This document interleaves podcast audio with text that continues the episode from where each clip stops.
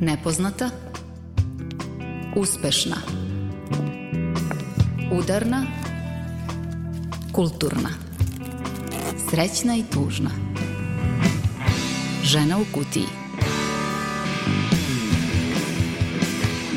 Dobar dan, dobrodošli u Ženu u kutiji. Nastavljamo sa feminističkim temama i u novoj godini.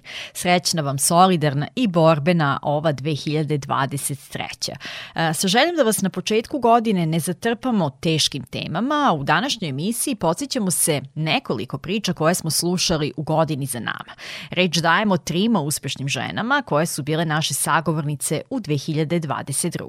Žarka Svirčev, Hristina Cvetičanin-Knežević i Elisaveta Lazarević. Pre najavljenih priča, lekcija o osjećanjima. Pesma kant autorke Olivere Popović koja je pred kraj 2021. godine objavila tri nove pesme koje su nas potpuno osvojile. Jednu od njih slušate. Lekcija o osjećanjima. Nešto da ti dam Jednu dobru lekciju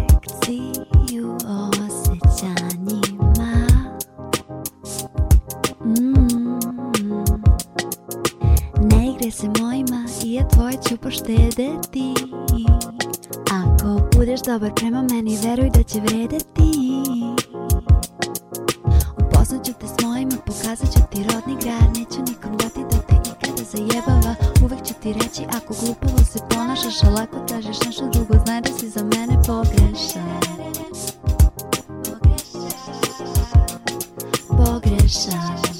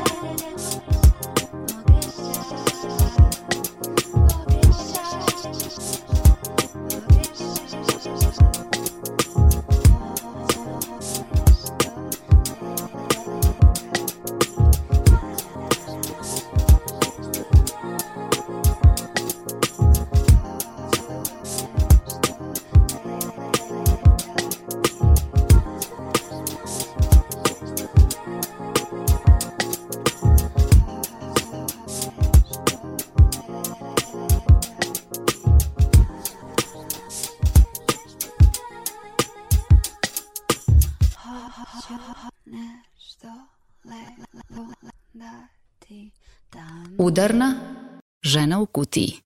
U februaru je za ženu u kutiji govorila Hristina Cvetičanin-Knežević koja je spojila vežbanje i feminizam. Ona je osnovala Instagram stranicu Feminizam iz teretane koja je sve samo nije tipična stranica koja nas poziva da vodimo računa o svom izgledu i redovno vežbamo. U čemu je razlika? Šta je tako atipično? Razlika u tome što poruke koje nam najčešće stižu iz teretane i fitness centara odnose se na to kako bi trebalo i kako možemo svoje telo da dovedemo do savršenstva. Fotografije na društvenim mrežama na takvim stranicama šalju istu poruku. Dakle, savršeno oblikovano, mršavo žensko telo kao imperativ kojem treba da težimo. Feminizam iz teretane, međutim, propagira i neguje feministički pristup vežbanju. Na prvom mestu tu je svest da smo mi mnogo više od naših tela i da se naša vrednost ne meri time kako naša tela izgledaju.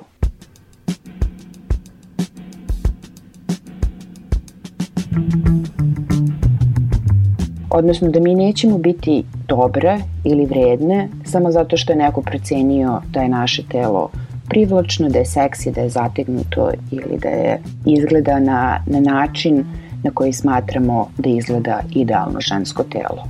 I to su osnovne poruke koje preko svoje stranice šalje Hristina Cvetičanin Knežević. Ona je doktorantkinja i istraživačica na Fakultetu političkih nauka. Članica je grupe novinarke protiv nasilja prema ženama, a u sve to posvećena je i osnaživanju žena i u fizičkom i u mentalnom smislu. Kako kažu, prvi mah je ideja bila da napravi stranicu gde će pisati o treninzima i ponuditi ženama saradnju ukoliko žele da treniraju sa njom. A zatim je odlučila da ode dalje i dublje i da, osim što će oblikovati žensko telo u teretani, utiče i na promenu svesti o našim željama i revidira naše motive za vežbanje. Vežbanje i, i trening, fizička aktivnost ne treba da bude kazna. I sama sam, kao i većina žena sa kojima sam razgovarala, ulazila u teretanu i treninge sa idejom da mom, sa mojim telom nešto nije u redu i da ću ja njega sada kroz trening da popravim. Trening je mnogo više od toga kako naše telo izgleda u datom trenutku. Blagodeti treninga na žensko zdravlje su zaista ogromne i u tom smislu trening treba da bude nešto što radimo iz ljubavi prema sebi. Idealna ženska tela koje viđamo na photoshopiranim i ispoziranim fotografijama nisu realnost, dodaje ona. Nijedna od tih tela kojem se divimo ne izgleda tako svakog sekunde i trenutka u životu. I da bismo to prihvatili, jeste nam potreban upravo feminizam. Hristina dokazuje da ženska borba za ravnopravnost i emancipacija s jedne strane i vežbanje i zdravi stilovi života sa druge strane zapravo jesu povezani. Iz moje perspektive ne postoji ni jedan segment naših života koji ima na feminizam i u tom smislu ni teretana nije, nije izuzetak. Naravno, feminizam može da bude i jasno komuniciranje političkog stava da su žene ravnopravne s muškarcima, ali takođe feminizam obuhvata i onaj odnos koji imamo same sa sobom. Da li prema sebi postupamo i pristupamo iz ljubavi prema sebi ili nekako internalizujemo i usvajamo to što nam se od malih nogu govori da smo slabije, da nismo dovoljno dobre, šta treba da radimo – U suštini ne treba uvek da budemo lepe, privlačne, da budemo neka vrsta ikebane koja će sa druge strane uvek biti na usluzi drugima. Kada odlučimo da nećemo tako da razmišljamo, da nećemo tako više da živimo i uđemo u teretanu sa idejom da radimo nešto dobro za sebe, da nam je bitno da mi budemo zdravi i funkcionalni, da naše telo bude sposobno i jako, a ne to što će neko drugi da nas pogleda i da kaže uh, baš dobro izgleda ova devojka ili žena. To je taj feministički moment koji ja prepoznajem svuda, pa i u teretani. A teretanu najčešće doživljavamo i dalje kao muški prostor. Sagovornici žena u kutiji je upravo stil vežbanja koji možemo dobiti u teretani najviše prija.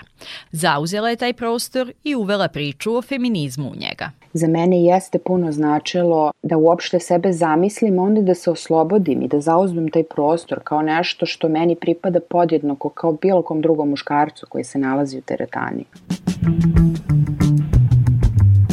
Takođe, dodala bi da je trening u teretani trening sa, sa tegovima. Nas stalno upućuju na svoje telo i da nas stalno podsjeća koliko je važno da slušamo svoje telo, šta nam telo govori, gde, mu, gde su mu granice. Kada naučimo da poštujemo granice svog tela, takođe ćemo naučiti važnost toga da postavimo granice u odnosima sa drugim ljudima i da insistiramo da one budu poštovane. Jedna od poruka na stranici Feminizam iz teretane kaže Tvoje telo nije spisak stvari koje treba da popraviš da bi zaslužila da živiš svoj život. Pa iskreno da budem, ne mislim da su moje poruke delotvornije u odnosu na, na tu čuvenu poruku letoće za par meseci, pa kad si mislila da se dovedeš u red, sram te bilo. Mislim da ta poruka sa dovođenjem u red mnogo direktnije komunicira sa ženama, ali po cenu da rudari njihove ne, nesigurnosti i da čini da se ona osjećaju loše. I to je jednostavno nešto na što ja ne želim da, da pristanem. A, one poruke koje ja šaljem sa nekima će iskomunicirati na prvu, kao što su na primjer sa tobom, Sa nekima možda neće, ali mislim da ako dovoljno dugo budemo ponavljale te poruke, ako dovoljno dugo budemo govorila da vežbanje nije nešto što radimo zato što i mrzimo neki deo svog tela zato što mislimo da nismo dovoljno dobre, već je vežbanje nešto što radimo zato što želimo svom telu da pružimo ljubav i da ga funkcionalno usposobimo za, za svakodnevni život. Ako to budemo dovoljno ponavljale, mislim da će postati jače, da će biti glasnije i da će se generalno promeniti ta ideja o vežbanju kao o dovođenju u red pred leto. I sve to Hristina Cvetičanin Knežević prenosi ženama u radu sa njima. Međutim, kako kaže, promeniti duboko ukorenje način razmišljanja o ženi kao slabijem polu izuzetno je teško. I ono što je zajedničko svim ženama sa kojima je radila jeste upravo to. Nismo svesne koliko smo jaki. I tu baš možemo da vidimo rezidue tog patriarhalnog razmišljanja, makoliko mi bila osnažena, makoliko mi znala o feminizmu, teorijski ili bila aktivne u, u feminističkom pokretu, i dalje postoji taj jedan ti glasić u našoj glavi koji nam govori da nismo dovoljno snažne, da nije to za nas. A svaka do jedne žene sa kojom sam trenirala je kroz treninge dokazala na prvom mestu sebi, a onda i svetu da je mnogo jača i, i sposobnija, barem u tom nekom fizičkom smislu, nego što misli da jeste. I upravo na jake žene, naše savremenice, ali i prethodnice koje su značajno doprinale feminističkoj borbi, naša sagovornica podsjeća i skreće pažnju u rubrici Osnažena na njenoj stranici Feminizam iz teretane. I mnogi će se zapitati kakve veze imaju vežbanje i feministička teorija. Međutim, ona kaže da je baš tu mesto, jer tema feminističke borbe i teorija feminizma nije dovoljno zastupljena u javnosti, ni u formalnom obrazovanju, ni u medijskom prostoru, ni u popularnoj kulturi prisutan je taj nek, to neko elitističko viđenje teorije da je ona namenjena nekom privilegovanom, često sedom i muškom trustom mozgoba koji će sada da sede i da razmišljaju o nečemu. I možemo da diskutujemo da li je to tačno ili ne, ali mislim da kada govorimo o feminističkoj teoriji da tu baš i nema puno prostora za diskusiju, jer barem ona feministička teorija koju ja pišem nije nastala kao produkt nekog duboko umnog, izolovanog, samotnog razmišljanja, već kao potreba da se uh, verbalizuju neke problemi sa kojima su se žene susretele u svom svakodnevnom životu. I zato mi je i bitno tome da pišem, ne samo da upoznam one koji nisu upoznati sa, sa feminističkom teorijom i sa nekim značajnim ženama na taj način, već i da ukažem da problemi sa kojima se mi sada suočavamo su nešto što postoji već dugi niz godina, decenija, pa možda čak i vekova – I u tom smislu konstantno podsjećanje na feminističke borbe može da bude motivišuće. Isto tako, bitno mi je da skrenem pažnju da to što mi danas možemo neke stvari, što nam se čini da smo ravnopravne, ne znači da nam je to palo sa neba, već to borbe koje su žene pre nas veoma često krvavo borile, ne samo što nekada nismo mogle stvari koje mi možemo sada, već i sada ne mogu sve žene neke stvari koje mi uzimamo zdravo za gotovo.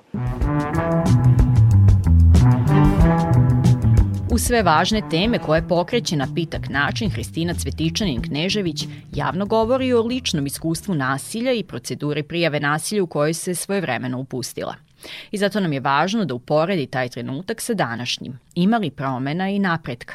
Kako kaže, ohrabrujuće je to što je zakonodavni okvir unapređen i konačno usklađen sa evropskim. Ali kao i cela priča o feminističkoj borbi, ni to nam nije palo sa neba, podsjeća ona. I tome treba da budemo zahvalne na prvom mestu mreže žena protiv nasilja, koje nisu odustajale i koje su lobirale sve do tih promene nije došlo. Te promene su svakako razlog zašto se o nasilju danas mnogo otvorenije govori, ali ovde bi samo volila da skrenem pažnju na nešto što je i, i mene kao ženu koja je nasilje preživela dosta, pa mogu da kažem, povređivalo za njih par meseci, a to je konstantno to je insistiranje da su žene o nasilju konačno progovorile. Ne, nisu.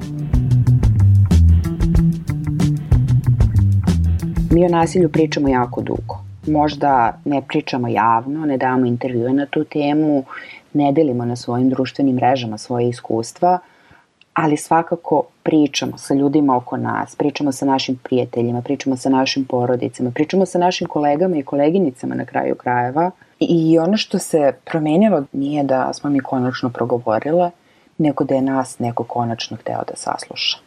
Ipak treba još mnogo vremena, truda i posla da dostignemo nivo u kojem će se svaka žena i devojka osetiti sigurnom kada ode u policiju da prijavi nasilje. I mislim da je taj faktor sigurnosti sa jedne strane svakako institucionalna odgovornost. Isto tako postoji i jako visok nivo lične odgovornosti. Sve dok mi vesti o nasilju budemo komentarisali sa pa šta je mislila, šta je očekivala kad je on takav, kako nije znala s kim ulazi u brak, ili ma šta je mislila šta će se desiti ako će da izađe uveč i da pije. Situacija će ostati ovakva kakva jeste jer žene jednostavno neće osjećati podršku svoje najbliže okoline da učine nešto što je u datom trenutku ne samo njihov način da ponovo počne da žive, jer život u nasilju nije život, već i takođe i trenutak u kome je njima ta podrška izuzetno neophodna, jer napuštanje nasilnika i prijavljivanje nasilnika jeste najopasniji trenutak po bezbednost žene koje to čini. Kome smetaju jake žene? To je slogan stranice Feminizam iz teretane. I za kraj na ovo pitanje Hristina Cvetičanin-Knežević odgovara i u ženi u kutiji. Kome smetaju jake žene? Smetaju svima onima koji žene ne vide kao ljudsko biće, već vide kao neki objekat, kao neki alat, kao neki predmet, kao neko sredstvo koje oni kontrolišu, koje nije autonomno i koje ne čini stvari za sebe, nego koje čini stvari za njih. Sve dok smo nesigurne, sve dok verujemo da je naše da budemo slabe, da je naše da budemo podređene, da je naše da nama neko govori šta mi treba da radimo, da je naše da nam neko da potvrdu da nas validira, situacija će ostati ovako kako jeste ili će bivati sve gore i gore.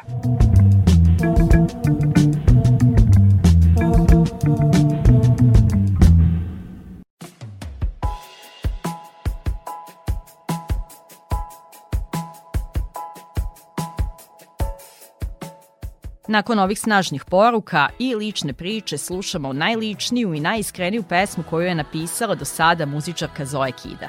Upravo tim rečima ona je opisala svoj drugi singl Žena dete. Ja sam žena generator Kao svaka emotivni terminator Topla sam ko radijator Žena pena, žena stena Nekad nadrkani imperator sam dece animator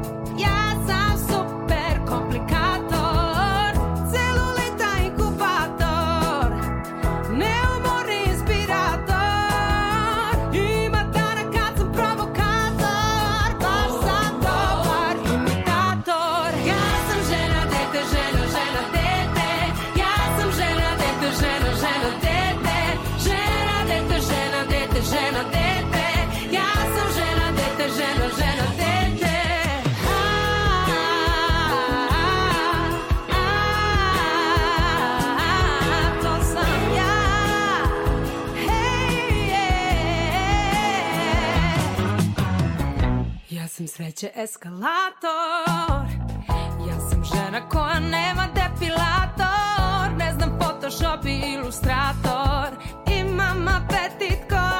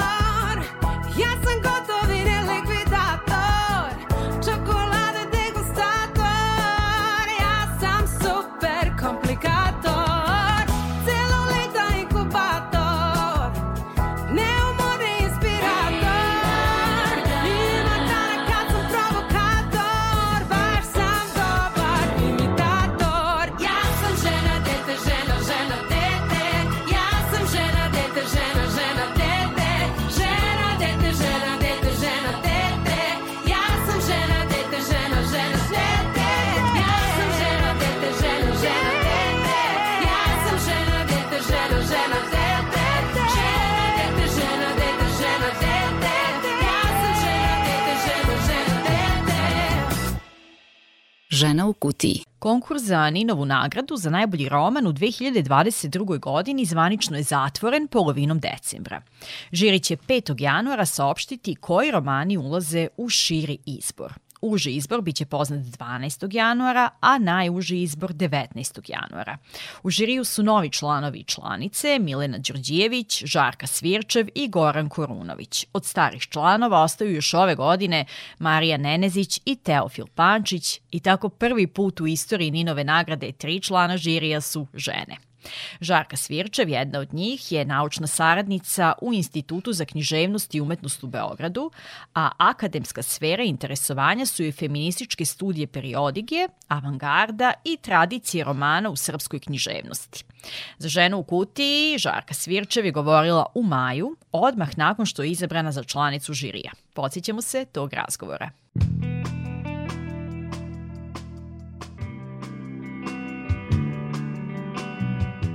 Žarka, da li rodno pitanje jeste važno isticati u ovom kontekstu i šta nam to govori? A, ja sam i, i, i videla brojne naslove u, u medijima da se ističe da je prvi put poprilično laskavi naslovi, prvi put u istoriji Ninove nagrade su, e, su tri žene članice i s obzirom na, na upravo tu činjenicu da se to ističe znači, i da je primećeno, znači da još uvek nije uobičajena praksa i da su to neke nove pozicije koje žene u, u, u našim uh, naše kulturi zauzimaju u većem broju i svakako da jeste, jeste, je, jeste važno. Uh, žene pišu književnost, žene pišu o književnosti koju pišu žene, dakle kritičarke su, uh, urednice su u izdavačkim kućama, vode portale, u akademskoj sferi su, tako da i tekako je važno da budu i na pozicijama koje, koje na jedan vrlo specifičan način usmeravaju književnu produkciju, dakle da žiriraju i, i donose, donose odluke o najboljim knjigama u tekuće godine ili kako su već koncipirani konkursi. Da, ispomenula si te naslove po novinama mm i nekako meni je bar utisak, mm onako sa strane kada gledam, da jeste ta tema prisutnija, dominantnija mm ženskog glasa u književnosti mm -hmm. poslednje vreme. I to, govori mm -hmm. se i o književnicama, uopšte o ženama u književnosti, o članicama žirije i sada da li misliš da je onda tvoj izbor, odnosno i tvoje koleginice, da li to je možda slučajnost ili se mhm. vodilo računa o tom ili opet onaj princip nije važno da li je muškog ili ženskog pola, važno je da su kvalitetni stručnjaci, odnosno stručnjakinje. Svakako mislim da nije slučajnost baš sada u ovom trenutku ove godine, jer jeste poslednjih nekoliko godina, možda čak i, i, i poslednjih desetak godina, a, žene su a, ne toliko možda prisutnije na književnoj sceni, jer naravno od uvek je bilo žena, ali čini mi se da a, su savremene autorke bile one spisateljice ili književne kritičarke mnogo svesnije ženskog autorstva i istupaju sa pozicije ženskog autorstva. Ne tako davno, kada je Grozdana Olujić dobila Ninovu nagradu 2010. godine, na prvoj preskonferenciji ona je pitana kako se osjeća kao tek treća žena koja je dobila Ninovu nagradu i ona je mrtva ladno odgovorila da ona nije žena, da je pisac. I za mene to je jedno strašno, strašna autocenzura i, strašno negiranje te orodnjene pozicije sa kog ona istupa, doživljava, dakle čitavo poništavanje ženskog iskustva koje njoj fakat imanentno. Sumnjam da bi danas i jedna spisateljica odgovorila na taj način, dakle da ona nije žena nego, nego je pisac. Grozana Olujić je to definitivno učinila ako imamo u vidu našu kulturu, odgovorila kako bi igrala po pravilima patrijarhalne konstelacije književnog života, dakle zarad nekog prestiža, raznih privilegija koje a, učešće i visoka pozicija u književnom životu nosi.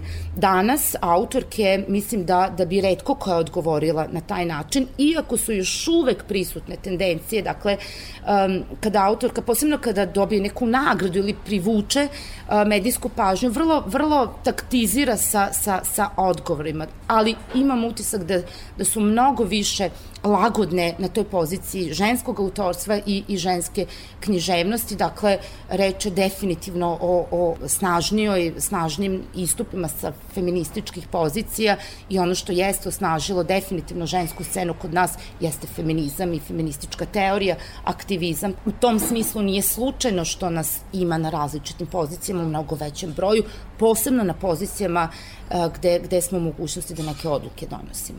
Da, i onda sada kada pogledamo, spomenula si baš tu 2010. Mm -hmm. godinu i sad imamo opet poslednje priznanja, mm -hmm. opet ženi. Mm -hmm. uh, I u tom smislu vidiš, dakle, napredak. Da, da, definitivno i ne samo Ninova i poslednji i Vitalova nagrada je takođe spisateljica uh, laureatkinja, mm -hmm. tako da, da jeste i ne vidim u tome uh, puko ispunjavanje kvota ili, ili, ili, ili nekako kalkulisanje na toj, toj rodnoj osnovi, nego da je prosto reč o jednom osvećenijem pristupu i književnosti i samim tim ženskom autorstvu kod nas.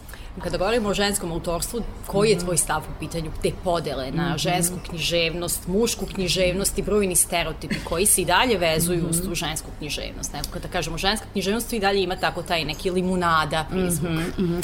E pa baš zato što, što postoje stereotipi i gle slučajno ženskoj književnosti, mislim da je jako važno da koristimo uh, taj, tu kategoriju ženska književnost, dakle nemam nikak, nikakav problem sa tom podelom i mislim uh, svi ti stavovi kako je, o tome kako je besmisleno deliti na književnost, na mušku, žensku književnost je jedna, uh, po pravilu dolaze sa patriarchalnih pozicija, da, književnost je jedna, patriarchalna, vrednosti univerzalne su muške vrednosti i dakle to je jedan, jedan potpuno, rekla bih, primitivna percepcija književnosti.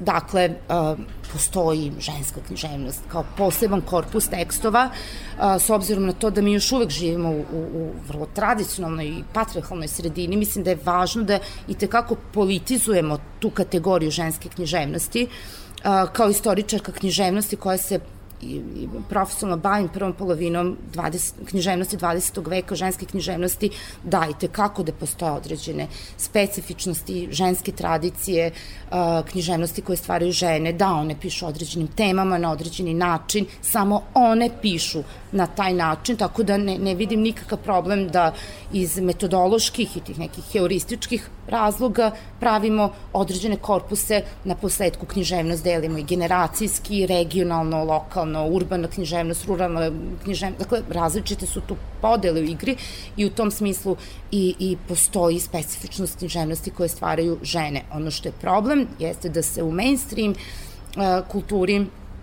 ona, baš kao što si rekla, povezuju sa, sa nekakvim limunada, kič, sentimentation, kao da muškarci ne pišu tako i kao da sve žene, žene pišu tako u tom smislu pošto postoje i dakle ona jeste politički mobilisana u cilju diskvalifikacije stvaralaštva žena i to je tako poslednjih 150 godina. Mislim da je naša obaveza da baš korišćenjem i upotrebom te kategorije, a ne negiranjem, jer nemamo pravo da, da negiramo feminističku tradiciju, žensko iskustvo uh, i koristimo taj pojam, tu kategoriju ženske književnosti i da prosto damo drugačiju vrednostnu, vrednostnu vertikalu do trenutka kada će ona biti vrednostno neutralna, da, da sada zamišljamo jedno utopijsko društvo kakvo prosto teško da ćemo ikada dočekati. Da, i zanimljivo mi što si spomenula te mnoge podele mm -hmm. i mhm. regionalne i sve zapravo samo se usporava ova jedna, sve ostalo je u redu da pravimo podele i niko se neće nekako svrnuti i Tako debatovati na tu temu je li potrebno ili nije potrebno. Da li u svemu tome misliš da treba da ima više priča iz te ženske perspektive i da li je potrebno da postoji više književnica autorki u kanonu? Definitivno, definitivno. Mi sa uh, jedne strane i tekako imamo mnogo priča iz ženske perspektive i izuzetno bogatu žensku književnost na ovim prostorima. Ono čemu, gde leži problem jeste da mi ne znamo ništa o toj književnosti. Ono što ja pouzdano mogu da tvrdim, eto s obzirom na to da se bavim prvom polovinom 20. veka i ženskom književnošću, da način na koji ona predstavljena u književnim istorijama, pregledima je potpuno i netačno i nerelevantno. Dakle, to je jedan izuzetno redukovan i banalizovan pristup uh, ženskom stvaralaštvu. Tako je i, i danas. Dakle, Dakle, sa jedne strane nemamo, nemamo odgovarajuće znanje o književnoj, ne samo književnoj prošlosti, uopšte kulturi koju su žene stvarale na ovim prostorima, a elementarni problem je uh, pedagoški kanon, dakle ono što čitamo u školama, pa čak i na fakultetima, na studijskim programima koje, ko, u kojima žene uopšte nisu, nisu prisutne i prosto mi negujemo i odgajemo čitaoce na način da im stvaralaštvo žena ne bude, ne bude blisko, a znamo da nastava književnosti u školama je formativna na različite načine.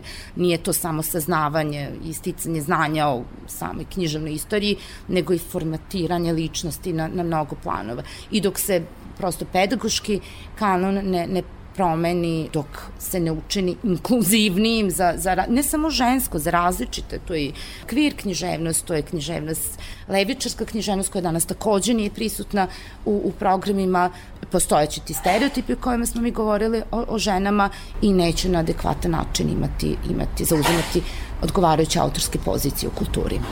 Da, dakle, bilo bi rešenje to da se promeni na tom pedagoškom nivou. Tako je. Da li postoji politička volja za to u ovom momentu? Kako ti se čini? Ne, ne, ne. Ono što a, mi posebno signalizira da ne postoji politička volja u, različitim strukturama jeste da poslednjih deset godina na našoj akademskoj sceni imamo sjajnu generaciju književnih istoričarki koje piše drugačije književne istoriografske preglede.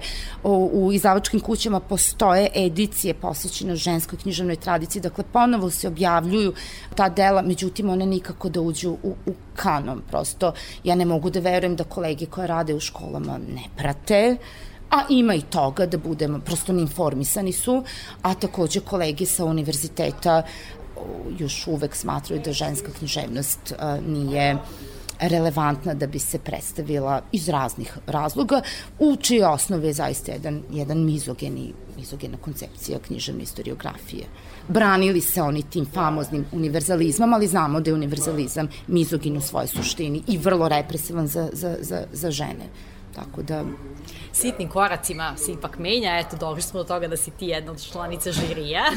Tako da ti čestitam i sada na tome. E, I zanima me neki tvoj onako sad lični stav u smislu koliko ti to znači, kako se osjećaš sad u svemu tome, u toj ulozi i e, imaš u glavi neke principe od kojih nećeš odstupiti feminističke, moram glasati za žene. Ove, šalim se. Pa meni je s jedne strane izazov profesionalni, jer nikada nisam bila u, u, u takvoj poziciji, nisam takvu ulogu imala da žiriram i, i, i odlučujem na taj način. S druge strane sam jako radosna i jako me raduje ove rad u, u žiriju zato što on podrazumeva sa jedne strane beskreno čitanje knjiga, sa druge strane razgovor o knjigama, imam sjajne uh, sagovornike, ostali članovi i članice žirija, Tako da, a za mene ne, nema većeg zadovoljstva od čitanja i razgovora o, o pročitanom i u tom smislu se baš, baš uh, radujem. Uh, naravno da sam svakako formatirana čitateljka, imam svoje ovaj, uh, odnegovane slabosti. Uh, jedna od njih je jezik. Ja volim uh, pisce i spisateljice koje se rvaju sa jezikom, koje svašta rade jeziku i jezik njima. Na različitim stilskim planovima, a, a sa druge strane nekako a, se uvek vodim Sartrovim stavom da a, na dnu estetskog mora biti etičko, inače to nije umetničko delo, tako da se nadam da će, da, da će biti i estetskog i etičkoj, etičkog naravno u skladu sa mojim čitalačkim senzibilitetom.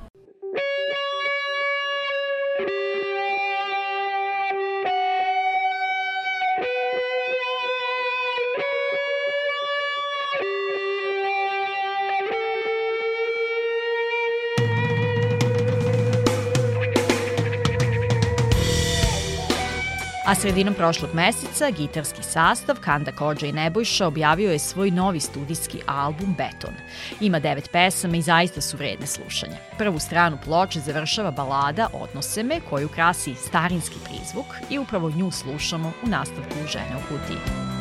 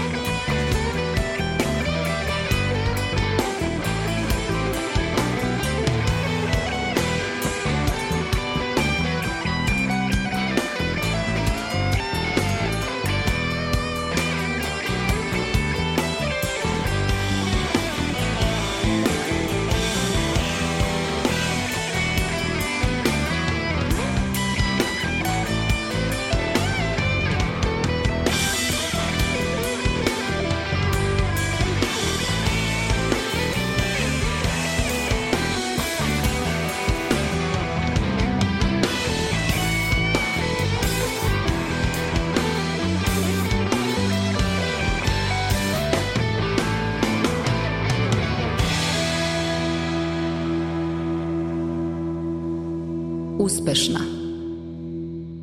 Žena u kutiji. A pred kraj godine, tačnije u novembru, naša uspešna žena u kutiji bila je Jelisaveta Lazarević, docentkinja na FEFA fakultetu. Ona je takođe ekonomska novinarka i producentkinja Bloomberg Adria televizije, vodeće biznis i ekonomske medijske platforme u regionu.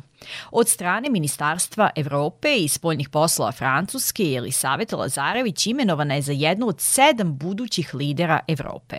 Na programu u Parizu jedina je predstavljala Srbiju i AFA organizacije u kojoj je članica borda i preko koje doprinosi ekonomskom osnaživanju žena kroz inovacije i tehnologije.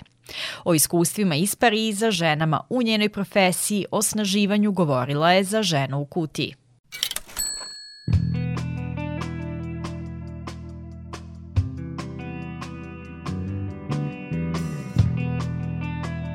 Jelisaveta, nedavno si stigla iz Pariza, dakle tamo si bila kao jedna od sedam budućih lidera, odnosno liderki Evrope. E, Tema je bila konkretan rad na osnaživanju žena i šta je poseta sve podrazumevala? Poseta je podrazumevala niz zvaničnih poseta, ne samo sa predstavnicima države, e, već i sa predstavnicima NGO sektora, sa predstavnicima kompanija.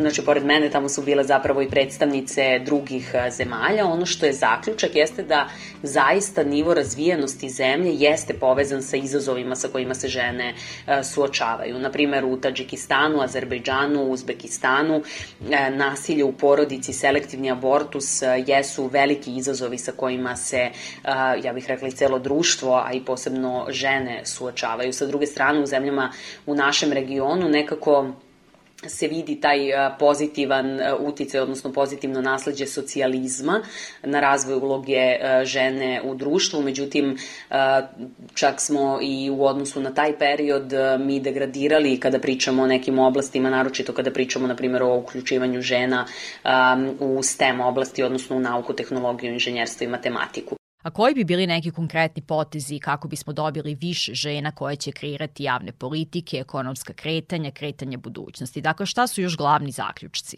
A, Glavni zaključci su da je zaista ključno menjati stereotipe i to na način, um, to se postiže kroz pre svega obrazovanje društva.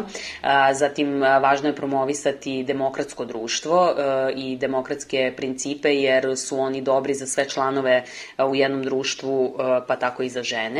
A, Dodatno je jako važno razvijati socijalnu infrastrukturu koja, podrazu, koja podržava onda tako razvoj žene kroz a, karijeru i a, u biznisu u kontekstu toga da a, daje tu podršku e, i na neki način outsourcing svih onih aktivnosti koje su, na primer, žene ranije radile u tim konzervativno-korporativnim modelima razvoja društva koji podrazumevaju da su žene vodile računa o porodici, deci, starima i tako dalje, tako da je taj razvoj socijalne infrastrukture velika podrška. I na kraju ono što je ključno jeste edukacija samih muškaraca o feminizmu, jer mi samo zajedno praktično možemo da poboljšamo ulogu žena u društvu. Iako žene čine obrazovaniji deo populacije, to kažu najnoviji podaci Poreske uprave Srbije, e, zaradu veću od 200.000 dinara u Srbiji prima svega 3.128 žena, a čak 31.625 muškaraca. Dakle, rodni platni jaz je prisutan, takođe muškaraca ima više na mestima odlučivanja. Šta se desi na putu od fakulteta gde ima više žena do tih pozicija odlučivanja? Na koje prepreke nailazi žena zbog kojih odustaje ili jednostavno ne dobija priliku? Jedan od osnovnih razloga zapravo leži u nedostatku networkinga, odnosno nedostatku mreže kontakata. Nekako ako se vratimo još u samo detinstvo, tu već imate neke um, razloge zbog kojih žene kasnije uh, možda imaju uh, manje razvijen network, ali ja ne bi tu razloge toliko tražila u tom ranom odrastanju, ali vi tada imate, na primjer, situaciju da se devojčice više igraju, na primjer, samostalno sa lutkama, dečaci uh, su onako u grupama, igraju zajedno futbal, košarku i tako dalje, pa nekako od samog starta razvijaju taj network. Um, e, dalje, kada nekako odrastemo i eto kao što ste vi spomenuli u pitanju, uh, imamo završen fakultet, uh, problem nastaje kod kuće. Zašto? Zato što žene i dalje obavljaju tri puta više neplaćenog posla nego muškarci. Um, to znači da one praktično imaju mnogo manje vremena upravo za taj networking. A networking je jedan od osnovnih načina za napredak u poslu uh, i uh, karijeri. Drugo, kada napredujete u poslu, važno je da imate i interno svoj network, svoje saveznike koji vam pomažu u tom napretku. Međutim, tu je još jedan izazov a, koji se odnosi na to da kako se više žene penju ka vrhu, tu sve ima manje a, žena koje bi praktično bili njihovi a, saveznici. Ne kažem da muškarci nisu, ali ono što u stvari a, hoću da kažem jeste da a, postoji i jedan nedostatak solidarnosti među ženama. Dakle, kako se žene penju ka vrhu, važno je da nekako iza sebe ostave taj utaban put koji će drugim ženama zapravo olakšati da dođu do tih istih pozicija i da nekako u tom celom putu postoji solidarnost. Spomenule smo već da si predstavljala našu zemlju, tačnije AFA organizaciju koja ekonomski osnažuje žene u nauci i tehnologiji. Šta si kao predstavnica iz Srbije mogla da izneseš? Kako se naša zemlja kotira po pitanju rodne ravnopravnosti u nauci u odnosu na druge evropske zemlje? Kada je u pitanju broj žena uh, i generalno učešće žena u nauci, tehnologiji, tehnologiji, inženjerstvu i matematici, upravo zbog onog nasleđa koje sam uh, pomenula na početku, mi se tu ne kotiramo nešto drastično drugačije od ostalih, odnosno od globalnog i evropskog proseka. Međutim, problem je što ni svetski ni evropski prosek nije dobar. Dakle, podaci pokazuju da oko, postoje oko 30 uh, studentkinja STEM tema. Od svih te, tek poslova žene obavljaju oko dvadesetak a, tih poslova. E sad, zašto je to problematično? Ne zato što a, e, sad mi samo treba da imamo podjednak broj žena u STEM-u, to je problematično zbog toga što su to poslovi budućnosti. Dakle, svi mi danas a, živimo u svetu koji se jako brzo razvija, živimo u svetu koji a, se jako transformiše na bazi novih i najnaprednijih tehnologija. I sve će to zahtevati da mi praktično menjamo naša znanja, veštine e, koje imamo. To naravno e, te promene će se odnositi i na muškarce i na žene, ali opet e, zbog e, onog što sam prethodno navela, to je da mi obavljamo tri puta više poslova kod kuće, imamo manje slobodnog vremena, praktično um, dodatni izazov je što ćemo mi imati manje vremena za usvajanje tih novih znanja i veština. Zato je važno da od najranijeg razvoja devojčice i devojke usvajaju uh, te STEM veštine i STEM znanja kako bi praktično u budućnosti mogle da rade uh, te najplatnije najplaćenije e, poslove i najproduktivnije poslove e, rad na najplaćenijim i najproduktivnijim poslovima je dobar, e, zato što vam omogućava da praktično budete deo budućnosti i da aktivno učestvujete u kreiranju te budućnosti. Ono što sad jeste situacija, jeste da budućnost tu tehnološku i digitalnu u kojoj ćemo svi da živimo praktično uh, kreiraju uglavnom muškarci i onda tu zaista postoji izazov da ta budućnost neće biti skrojena po potrebama svih nas. A da li je dovoljno da imamo ženu na čelu države, organizacije, kompanije ili nam je neophodno da imamo rodno senzitivne žene, odnosno feminiskinje, ali i muškarce feministe kako bismo konačno popravili položaj žena u društvu? Pitanje rodne ravnopravnosti po mom mišljenju nije uh, samo isključivo žensko pitanje, to je pitanje uh, celog društva. To se pitanje tiče i muškaraca i žena. To e, se zapravo vidi i u, najspeš, i u primerima najuspešnijih kompanija i država. Vama su najrazvijenije zemlje one u kojima su žene i muškarci podjednako uključeni u sve važne aspekte društvenog, ekonomskog i svakog drugog razvoja. To nije ništa čudno, to je zapravo vrlo logično i to možete da vidite kroz primere kompanija gde kada imate podjednak broj muškaraca i žena koji su uključeni naročito kada pričamo o nekom odlučenju odlučivanju. Te kompanije su obično profitabilnije, kreativnije i to je normalno zato što prosto mi svi imamo drugačije perspektive i onda na taj način a, možemo da doprinesemo U tom smislu muškarci su a, naši saveznici i muškarci zajedno sa nama treba da rade na svim a, ovim temama. Oni su takođe i rol modeli za dečake koji onda isto tako mogu a, da a, budu a, u budućnosti i džentlmeni i a, feministi. A, ovde bih dodala i pitanje jednakosti a, kada pričamo o godinama. Tu je jako važno da izrelije generacije zajedno sa nama učestvuju a, u kreiranju svega onoga što će biti naša budućnost. Zašto? Zato što isključivanjem tih zrelijih generacija mi praktično ostajemo uskraćeni za jedno vrlo ozbiljno i relevantno iskustvo koje svakako treba da bude deo svih rešenja koje predlažemo, a koji treba da unaprede i naše uh, društvo i našu ekonomiju. Da li se ti osjećaš udobno kao žena, naučnica, ekonomiskinja, mlada liderka, novinarka? Da, osjećam se udobno i to pre svega zato što sam nekako od početka svoje karijere bila deo vrlo svesnih i razvijenih kolektiva. Dodatno mislim da je jako važna podrška porodice. Ja imam tu punu podršku, uh, jer isto tako, kao što sam pomenula, da je važan onaj network u firmi, taj network koji razvijamo, koji razvijamo eksterno, uh, važno je da postoji taj network u samoj porodici koji praktično predstavlja uh, podršku svakom pojedincu da napreduje u onome što on želi.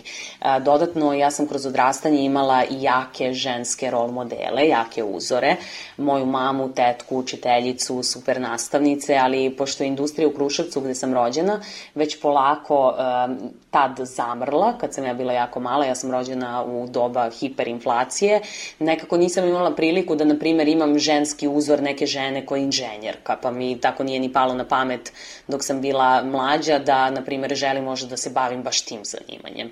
Um, imala sam afinitete prema ekonomiji zbog majke, glumi zbog tetke koja je radila u pozorištu i u kom sam praktično porasla i uh, prema obrazovanju obrazovanju zbog super nastavnica i e, svoje učiteljice koju sam imala. E, zašto ovo kažem? Pa upravo zbog budućih generacija. Mislim da je važno da iste imaju različite rol modela u svom odrastanju, naročito kada pričamo o zanimanjima budućnosti i to ne samo da bi obezbedile e, egzistenciju kroz neki posao, nego zato što je važno da žene budu na pozicijama koje im omogućavaju da utiču na društvo, a to su pozicije od obrazovanja preko kompanija do države. Jelisaveta Lazarević govorila za ženu u kutiji. Hvala što ste prethodnih sat vremena proveli u našem društvu. Pozdravljaju vas ton majstor Damjan Šaš i autorka emisije Tamara Srijemac. Za dve sedmice smo ponovo u etru.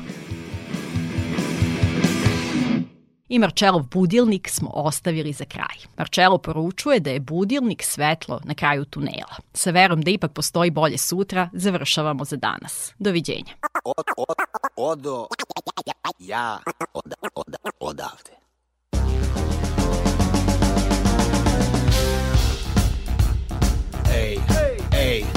Briga me za boli, boli me briga. Spakovo kofer i rekao šta imam Sad čekam da prođe korona i cirkam. Živeo makiša, sipaj si vinjak. I onda ništa od toga jer mi drugarica ko živi u mojoj zgradi pozove da joj pričuvam bebu.